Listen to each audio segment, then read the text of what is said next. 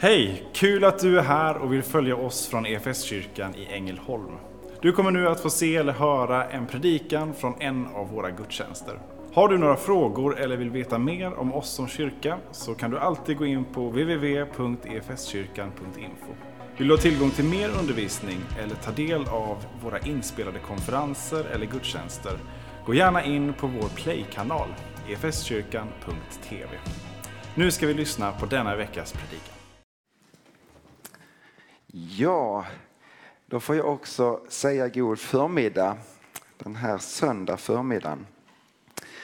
Eh, vi, ni som är här av en god vana, lite med en viss regelbundenhet över tid, vet ju att vi har eh, på, i kyrkan här landat vid några olika tillfällen eh, det senaste året eller något år tillbaka kring en rubrik som då har återkommit, nämligen Knatteligan.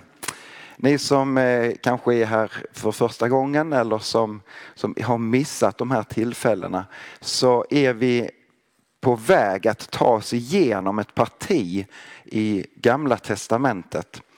Kanske ett parti som, som inte har de självklart mest nötta sidorna i våra biblar som kanske inte har lika många understrykningar och liksom så här glada utropstecken eller något annat markerat i, i sidan som på andra delar i Bibeln. Kanske för någon det inte är så onötta sidor men, men för många av oss så kanske det är ett parti i Bibeln som vi inte läser kanske så ofta. Knatteligan, ja ni vet ju ni som har varit med men för att påminna oss alla och er som inte har varit med genom den här resan så är vi på väg att lyssna på ett gäng stycken profetröster i Gamla Testamentet. Och det kan ju låta förminskande att man säger knatteligan. Ja, det handlar ju inte om knatte, fnatte och chatte utan det handlar om modiga människor, modiga män som förmedlar Guds ord och Guds tilltal många gånger i situationer som är väldigt, väldigt svåra och tuffa. Men de har modet att, eh, att dela Guds ord i de här situationerna. När vi läser i vår gamla testament så har vi de stora profetböckerna, Jesaja, Jesaja, Jeremia, Hesekiel och Daniel. Men så kommer också det här sjåket av profeter som, som ibland då omnämns som tolvprofetboken eller småprofeterna. Småprofeterna där för knatteligan. Ett gäng böcker, tolv stycken, Hosea, Joel, Amos, Obadja, Jona, Mika, Nahum, Habakuk, Sefania, Haggai, Sakaria och Malaki. Och vi betar av de här böckerna här nu allt eftersom. Detta är ju också en del av Guds ord till, till oss och det är hälsningar som var aktuella i sin tid. Alldeles tydligt riktat kanske till folket eller till ledarna. Men samtidigt så är det profetord som kanske ligger i väntan att få, få sin uppfyllelse när det handlar om tidens slut men också profetord som hade sin uppfyllelse tydligt i Jesus Kristus. Ehm, den, den förväntan och längtan lyser igenom hela bibelordet, ett centrum i honom. Och idag ska vi få hugga tag, som vi hörde, i, i Habakuk, en, en profetbok som lite grann sticker ut i förhållande till de andra elva profet, eller egentligen alla profetböckerna. I det avseendet att, att väldigt mycket av de andra hälsningarna som vi kan läsa är tydligt, tydligt riktat till folket, till ledarna, kungarna eller till prästerna Eh, med en hälsning om bättring och omvändelse. Och det är ju en hälsning som går igenom alla tider också rakt in i vår tid. Men Habakuk sticker ut på det sättet att det är mer ett samtal mellan profeten och Gud själv som vi tar del av i tre stycken kapitel. Vi vet egentligen inte så mycket om Habakuk kanske. Eh, men vi kan ana och tro att han ja, men troligtvis tillhör Levis stam. Eh, det, det framgår i Habakuks bok att, att han eh, stämmer upp i en fantastisk lovsång, men, men en lovsång och en bön i, i det sista kapitlet. Och det kan ju någonstans indikera att han mycket troligt tillhörde tempelkören. Han tjänstgjorde i templet i Jerusalem. Eh, och eh, i Bibel 2000 så står inte detta men, men i vissa översättningar, till exempel Folkbibeln 2015 så, så står det att det här är en bön och en sång framförd till Shigionot. Är det någon som vet vad det är? I så fall är du väldigt unik. Det är inte många som vet men det, det är en okänd musikterm. Eh, om det är anspelning på vilken typ av sång det är som framförs eller bön eller om det är något speciellt stränga spel, det, det, vet vi inte. Men jag tycker ändå det är en liten intressant. Karl han utmanade mig i veckan. Ja, du måste ändå ta upp det här med chigionotten. ja, jo, tack så mycket. Men nu har jag gjort det. Eh, men i alla fall så indikerar detta att, att han troligtvis tjänstgör i templet och lovsjunger och är med i, i, liksom, i gudstjänsten. Och, och många gånger så utgick där också, eller fungerade eh, vissa personer i tempelkören som just profeter. Och eh, Habakuk verkar vara en av dem. Eh, han befinner sig som sagt i Jerusalem i en tid där eh, det är ja, rätt stor dekadens på, stora, på, på bred front. Eh, han finns där. Men detta är också lite intressant för han verkar ha varit med om en väldigt, väldigt speciell resa till en annan plats. Och det kan vi ta del av om vi läser, som vi kanske inte heller, de är inte heller kanske så nötta, eh, nämligen apokryferna till Gamla Testamentet. Men en av de apokryfiska texterna är ett tillägg till Daniels bok. Och jag tänkte, kan vi inte bara få läsa det också tillsammans? Eh, bakgrunden läser vi Daniels bok som då är en av de stora profeterna. Daniel, han är ju en eh, ifrån Juda som har förts bort i fångenskap till Babylon. Och han vinner Eh, vad ska man säga, kungens, Nebukadnessars och hovets stora gunst och, och, växer i ställning i, i det här riket i fångenskapen. Och han får en, en position i hovet utifrån att han har tytt eh, med Guds hjälp eh, kungens drömmar och, och på andra sätt varit en vis ledare så får han ett väldigt stort förtroende. Men det väcker avund ibland andra i, i riket där och nära i hovet. Och eh, det utlyses en, en allmän bön till avgudar i, den här, i det här riket. Men Daniel och hans vänner vägrar att ge vika från Herren. De vägrar att tillbe. Och då blir eh, den här folkhopen som inte ser med, med blida ögon på Daniel. De försöker baktala honom och försöker dröja honom åt sidan. Och Daniel kommer att kastas i lejongropen. Och vi kan läsa så här ifrån tillägget till Daniel. Då gick de till kungen, alltså det här gänget, och så sa de utlämna Daniel åt oss annars dödar vi dig och din familj. När kungen märkte hur hårt de ansatte honom fann han sig tvungen att utlämna Daniel åt dem och de kastade honom i lejongropen. Där var han i sex dagar. Det fanns sju lejon i gropen och de brukade få två människor och två får varje dag. Det är fruktansvärd ondska. Men, ja. Men nu gav man dem ingenting för att de skulle äta upp Daniel. I Judeen levde profeten Habakuk. Han hade kokat soppa och lagt brödbitar och var på väg till åkern med skålen för att ge åt skördefolket. Då sa Herrens ängel till Habakuk, ta maten du har till, äh, där och till Daniel i lejongropen i Babylon. Habakuk svarade, Herre jag har aldrig varit i Babylon och gropen känner jag inte till. Men Herrens ängel la handen på hans gässa, lyfte honom i håret och förde honom i sin andes stormvind till Babylon och satte ner honom vid gropen. Habakuk ropade Daniel, Daniel, här får du den måltid som Gud har sänt dig. Du har alltså tänkt på mig Gud. Du överger inte dem som älskar, sig, så, älskar dig, sa Daniel. Och han reste sig och åt och Guds ängel förde genast Habakuk tillbaka hem. Vilken resa!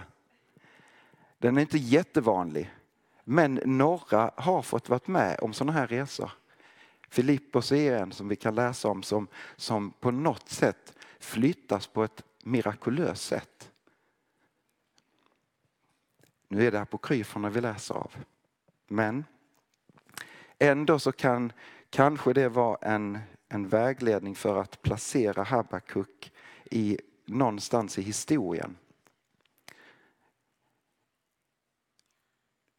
Tar vi historien lite längre tillbaka så har ju det enade kungariket har delats efter att Salomo han var den sista gemensamma kungen och landet delas i två delar i Nordriket Israel och Sydriket Juda. Juda som har sitt, eh, sitt centrum och sin huvudstad i Jerusalem. Nordriket har haft ett gäng kungar och eh, de hade en sak gemensamt, de där kungarna. De gjorde det som var ont i Herrens ögon. Och det blev genomgående ett, ett land och ett folk som levde i, ja, men i, i förfall i förhållande till, till Gud. Och det kommer att få konsekvenser på det sättet att en stormakt uppe i norr, Assyrien, kommer att anfalla Nordriket och Nordriket faller och massor av människor förs bort i fångenskap. Och andra folkgrupper placeras i det här landet och så, så mixar man ihop folk ifrån alla länder och helt plötsligt så blir det ett folk som vi möter i Nya Testamentet. De som judarna undvek. Kommer ni ihåg? Samarierna eh, som, som var ansågs som orena, ett blandfolk. Judarike står emot eh, de här angreppen. Vid ett tillfälle så står den assyriska härledaren och kungen Sanherib utanför Jerusalem och han har omringat staden.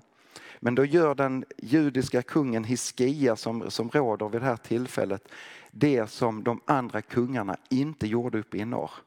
Han lägger fram sitt problem inför Herren. Han går in, kanske till och med in i det allra heligaste i templet och, och utgjuter sitt hjärta inför Gud. Gud förbarma dig, rädda oss. Också blir det så att hären utanför Jerusalem, eh, där stiger ner en ängel och det drabbas drabbar kaos i den här hären och de drar sig undan. Eh, vi har ju sagt detta tidigare kanske men, men eh, där finns ju en spännande sten på, på en museum i, i London. Min kära vän och kollega, sitter inte här nu kanske, men Allan Svensson han förde oss medarbetare i Sydsverige dit med en, en sån entusiasm. Han sa, vi måste bara se på den här stenen. Och vi samlades kring en monter där och där var Sanheribs eh, cylinder. Där det står inskrivet att jag hade Salem som fågeln i min hand. Men jag intog inte den. Den här prismat den, den har alla städer som man intog men Jerusalem intogs aldrig. Det är lite häftigt faktiskt. Det var en eh, parentes mitt i alltihopa.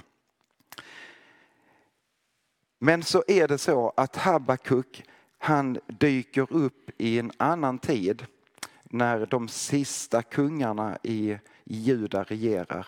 Och det är en tid där som börjar likna Nordriket. Kungarna faller ifrån, ledarskapet faller ifrån och överger Guds väg och, och förlitan till Gud.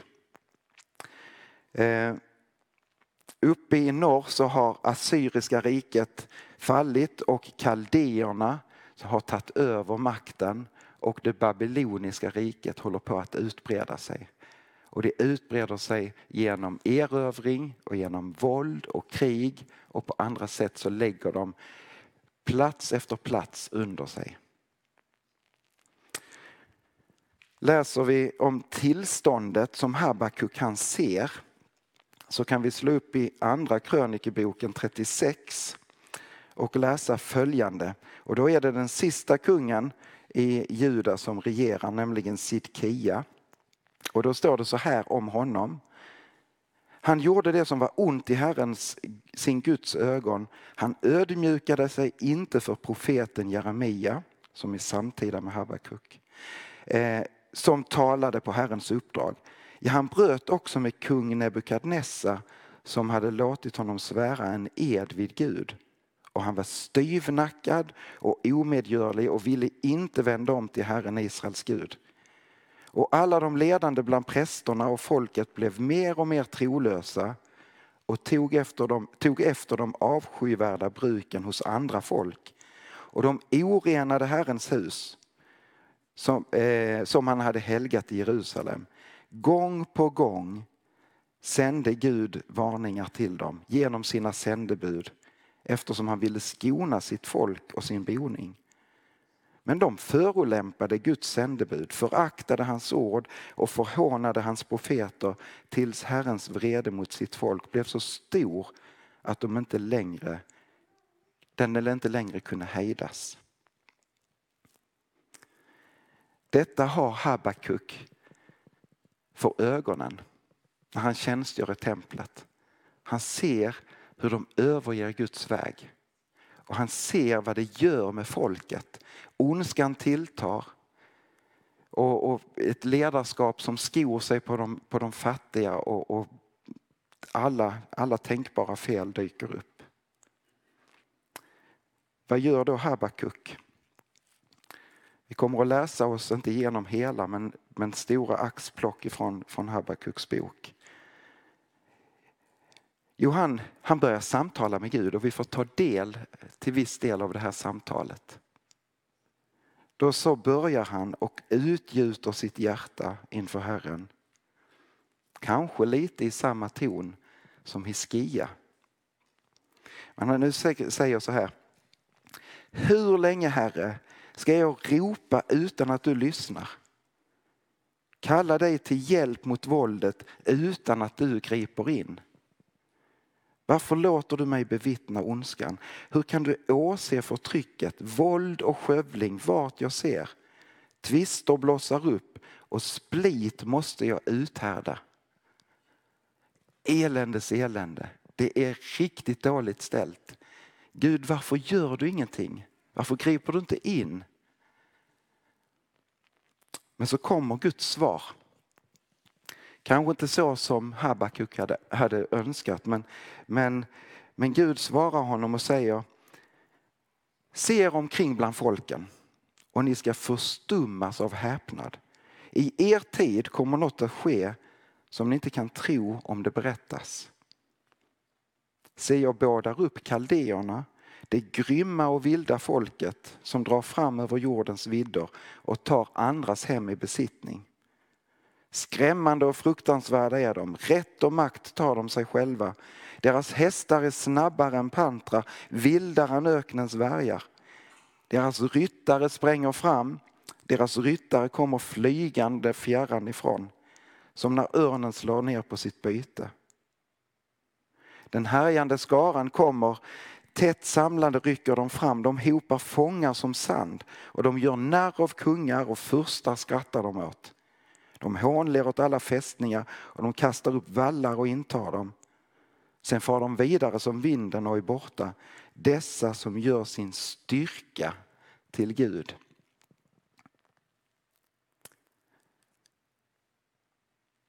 Den här, det här svaret eh, är kanske inte det som, som Habakuk längtar efter. Tänk om vi skulle utgjuta, oh, gode Gud, vad, vad händer i vårt land? Gode Gud, förbarma dig över situationen i vårt land. Och så kommer det ett svar om att ah, jag kommer att sända ett fruktansvärt folk som kommer att i princip nästan förgöra er. Eh, Habakuk han, han reagerar ju på detta. Eh,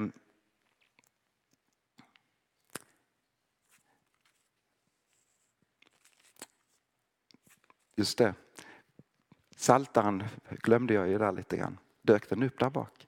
Nej, det är riktigt vaken. Eh, bara för att backa lite grann. I Psaltaren 73 så är det en annan eh, ledare faktiskt för en av de här körerna i, i, eh, i tempelkören som uttrycker också en bön och en psalm som, som sjungs om och om igen. I Psaltaren 73 så, så kommer också den här tonen. Ja, men gode Gud, hur, varför går det de onda väl? Varför, varför ska vi som är rätt troende, varför ska vi lida? Det, det, I Psaltaren 73 så står det så här, ja Gud är god mot den rättrådige, mot den vars hjärta är rent. Ändå var jag nära att snava. Jag höll på att tappa fotfästet. Jag fylldes av avund mot de högmodiga. Jag såg att det gick de gudlösa väl. De vet inte av några hinder. Deras hull är fett och frodigt. De råkar inte i nöd som andra och de lider inte som människor gör. Därför är högfärden deras halskedja och våldet den dräkt de bär. Varför är det så här Gud? Ni vet, när jag gick i nian, tror jag detta var, det, det måste varit för jag strök under de första verserna i den här salmen i, i, min, eh, i min konfirmationsbibel. Eh, och då, de här orden. Ja, Gud, du är god mot den rättrådiga, mot den vars hjärta är rent. Inte för att jag tänkte att mitt hjärta var speciellt rent, men ändå jag ville vara där. Ändå var jag nära att snava, jag höll på att tappa fotfästet. Jag fylldes av avund mot de högmodiga. Jag såg att det gick de gudlösa, gudlösa väl. Jag strök under det och tänkte på en kille i 9C. Ja, men han var grymt bra på allting. Han lyckades, han var, han var grymt bra på fotboll, på idrotten, i skolan. Han hade, åh, åh. Varför är det så? Det var ju ett väldigt, väldigt litet perspektiv. Jag tror inte Guds ordet handlar riktigt om min situation i nian. Men, men ändå. Guds ord är levande, det kan få tala in i alla situationer. Nej men det här är en, en klagan inför Gud som har väldigt, väldigt mycket större konsekvens än ett litet tonårshjärta i, i, på högstadiet. Det handlar om riken, det handlar om tillstånd. Gode Gud, varför är det så här? Hur länge ska jag behöva vänta på att du griper in? Och så kommer svaret till Habakuk och Habakuks reaktion är Va? Ska du sända ett ännu mer gudlöst folk, ett ännu mer ont folk? Hur tänker du nu, typ? Och vi kan fortsätta läsa Eh, i vers 12 och, och framåt. Och då utgjuter, alltså svar, gensvarar Habakuk på det här sättet. Du är ju sedan urtiden Herre, min Gud, min helige. Du ska aldrig dö. Men här har du satt dem att skippa rättvisa. Du klippa, du har skapat dem till straffa. Du vars blick är för ren för det onda, du som inte uthärdar våldet. Hur kan du åse de svekfullas dåd och tiga när de onda slukar de som har rätt? Jag tycker det är en berättigad fråga och reflektion. Ehm, efter att, att Habakuk kan utgjuta sitt hjärta inför Gud så gör Habakuk något oerhört klokt och, och eftersträvansvärt som jag tänker att vi både enskilt och som församling och som kyrka över hela världen ska ta efter. I kapitel 2 1 så står det Jag ska ställa mig på min vakt. Jag ska gå till min post och jag ska spana. Jag vill se vad han ska säga till mig, vilket svar jag ska få på min klagan. Så ställer han sig där på muren och väntar och spejar och spanar och längtar efter vad Gud ska göra. Och han får ett svar. Skriv ner det du får se med tydlig skrift på tavlor så att det blir lätt att läsa. Ty synen vittnar om att de, den bestämda tiden, den talar om slutet och den slår inte fel. Om uppfyllelsen dröjer, så vänta tåligt. Den kommer förvisso, den uteblir inte. Och sen fortsätter det. Gud talar om hur Babylon kommer att falla. Och han säger att, att i princip de gräver sin egen grop, de gräver sin egen grav genom sin ondska. De kommer i sin tid få sitt straff. Och jag har omsorg om mitt folk. Det kommer att dröja, men det kommer att hända. I de här verserna så, så är det också vad ska jag säga, en messiansk profetisk förväntan i den judiska situationen. För man skulle också kunna skriva egentligen så här i, eh, i vers 3. Den, som, den talar om slutet men den slår inte fel. Den egentligen är mycket mer personlig ett uttryck att han ska inte dröja, han ska komma. Och så är det, även om det kommer att dröja, så kommer han att gripa in. Och det är en förväntan på att Messias, Gud ska sända sin Messias. Det skrivs i lite olika, i olika översättningar. Han skyndar mot slutet och han sviker inte. Sen så flikar Gud också in den här hälsningen i vers 4. En, en, mening eller en halv mening som ofta citeras i, i Nya Testamentet. Som Luther fångade essensen av och som på något sätt satte fart i hela reformationen på 1500-talet. Nämligen att den rättfärdige ska leva och räddas och frälsas av nåd genom tron. Gud säger till, till Habakuk, men troheten räddar den rättfärdiges liv. Lita på mig, tro på mig. Det gör skillnad.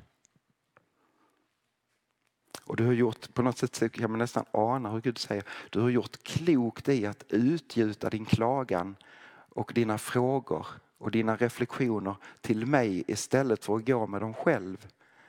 Eller bara gnälla inför någon annan. Det bygger inte, det hjälper inte. Men att få komma med sin klagan inför Gud, levande Gud, som lovar att gripa in i sin tid. Det är en väsentlig skillnad.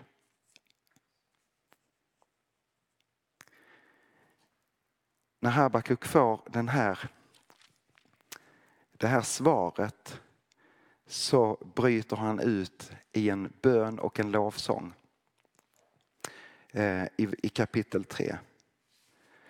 Och I den så kan man också fundera på vad har, vad har Gud gjort i Habakuks hjärta eh, som också kan få uppmuntra dig och mig eller utmana dig och mig. För hur förändras hans, hans eh, syn på situationen? Habakuk han börjar så här. Nu skulle man egentligen haft den här kikjotten och sjungit men vi besparar er det. Herre, jag har hört om dina gärningar. Jag har sett dina verk, Herre. Förnya dem i denna tiden och ge dig till känna i denna tid. Minns i dess oro din barmhärtighet. Gud kommer från Teman, den helige från berget Paran. Himlen är uppfylld av hans prakt och jorden är full av lovsång till honom. Habakuk kan påminna sig att Gud har varit med tidigare. Han har gripit in, han har låtit mäktiga ting ske i historien och han är densamma då som nu och i all evighet. Han har all makt. Han är värd att lovsjungas. Och han han, han liksom stämmer in trots att det ser ut som det gör. I slutet på den här sången, och det, det är detta som, som ja, utmanar mig väldigt mycket i alla fall. Han säger så här i vers 17 och framåt. Fikonträdet knoppas inte, vinstocken bär ingen frukt. Oliv, olivskörden slår fel. Fälten ger ingen gröda. Fåren är borta ur follan och hängnen är tomma på kor. Men jag vill jubla över Herren. Glädja mig över min Gud, min räddare. Herren min härskare är min styrka. Han gör mig snabbfotad som gasellen och jag kan löpa över bergen. Han säger, ja, tas allt ifrån oss. Vårt levebröd. Rasar allt det som, som vi på något sätt har vår trygghet så är du ändå densamma. Jag kommer ändå hålla fast i tron på att du är en god Gud. Jag vill ändå lovsjunga dig för att du är värd att lovsjungas.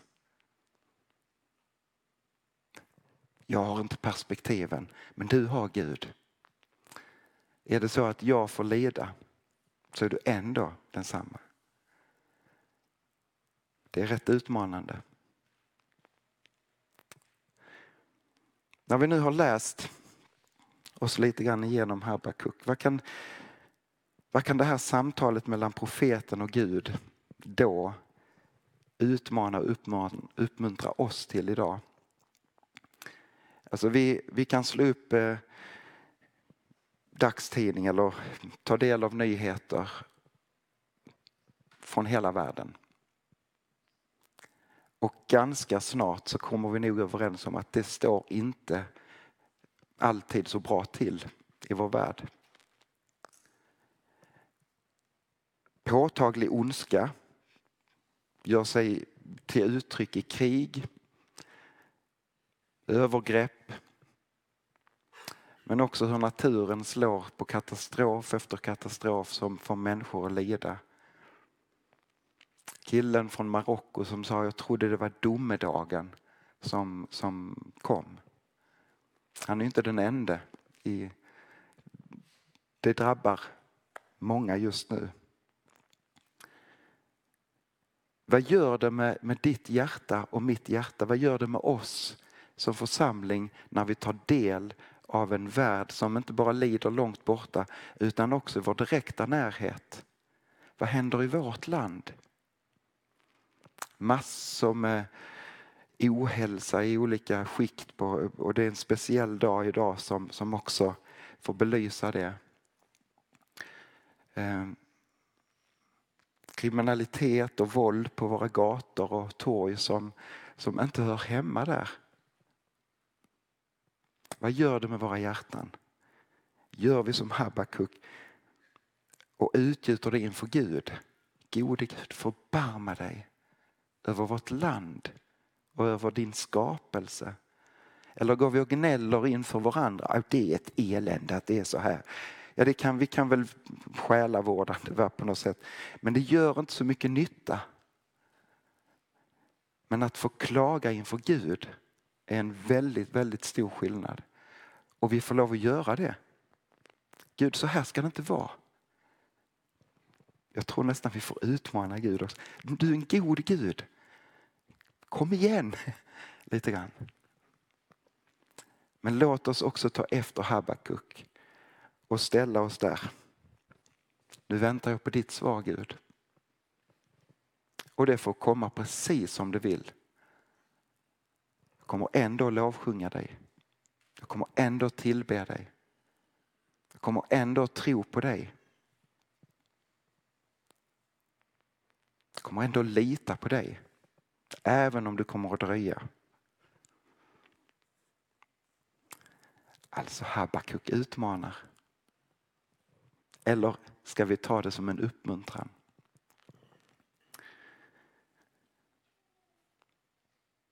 Jag tänker så här. Att vi ska få be en stund. Och eh, där är saker som du har lagt märke på till i, under veckan eller en tid som, som ligger på ditt hjärta. Men ska det vara så här Gud? Kanske i det lilla sammanhanget väldigt nära dig själv eller över läget i, någonstans i världen. Och så kan vi få låta det vara en stund där det bara får, vi får bombardera Herren med, med våra hjärtas böner. Jag och Malin vi leder kanske lite in emellan med bön. Och sen när vi har bett en stund, vi har fått säga vårt amen, så ska vi också få stå upp och bekänna vår tro. Och jag, jag vill vara så naiv och barnslig i min tro att jag tror att det gör skillnad med en kyrka som står upp och proklamerar vi tror på dig Gud. Vi litar på dig. Det kanske gör till och med skillnad i den här stan. Att vi får bekänna honom som Herre och kung. Ska vi göra det tillsammans? Vi ber. Som kyrka är det en glädje att få spela en liten roll av allt Gud gör i och genom ditt liv. Vi vill gärna fortsätta följa dig på den resan. Och vill du ta reda på vad ditt nästa steg kan vara på din resa med Gud så gå in på efskyrkan.info nästa steg. Vår längtan är att få se människor och samhällen förvandlade av Jesus. Genom en kyrka som återspeglar Guds hjärta, bär varandra och betjänar människor varhelst vi befinner oss varje dag.